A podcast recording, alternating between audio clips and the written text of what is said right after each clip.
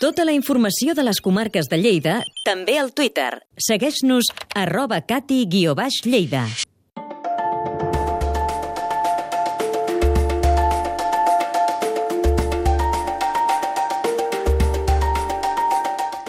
Aquests dies està reunida a Andorra la Comunitat de Treball dels Pirineus, una entitat formada per diverses regions de França, Espanya i Andorra.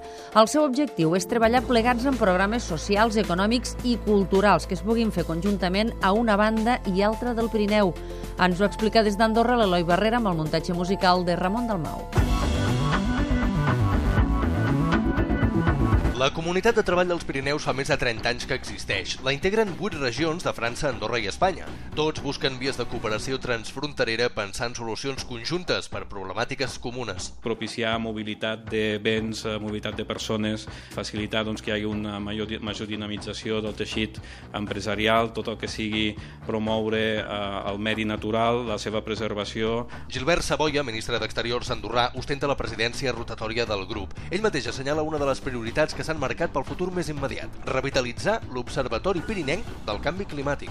L'any que ve també té lloc a París la cimera sobre canvi climàtic i per tant tenim una, jo crec que una oportunitat de dotar de visibilitat justament doncs, totes les tasques eh, fetes a, a dins de l'observatori i justament pues, intentar donar-li continuïtat.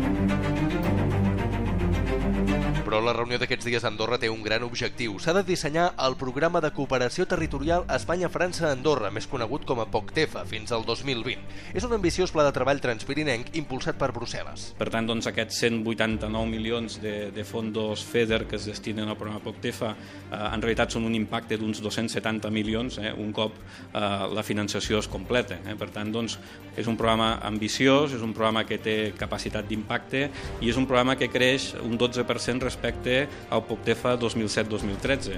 Amb aquest programa s'han impulsat desenes de projectes, per exemple, l'intercanvi d'experiències entre museus catalans, francesos i andorrans, ajudes per incentivar el turisme sostenible o assessorament als productors de muntanya perquè puguin comercialitzar els seus productes. Solucions conjuntes per problemes compartits prescindint de les fronteres.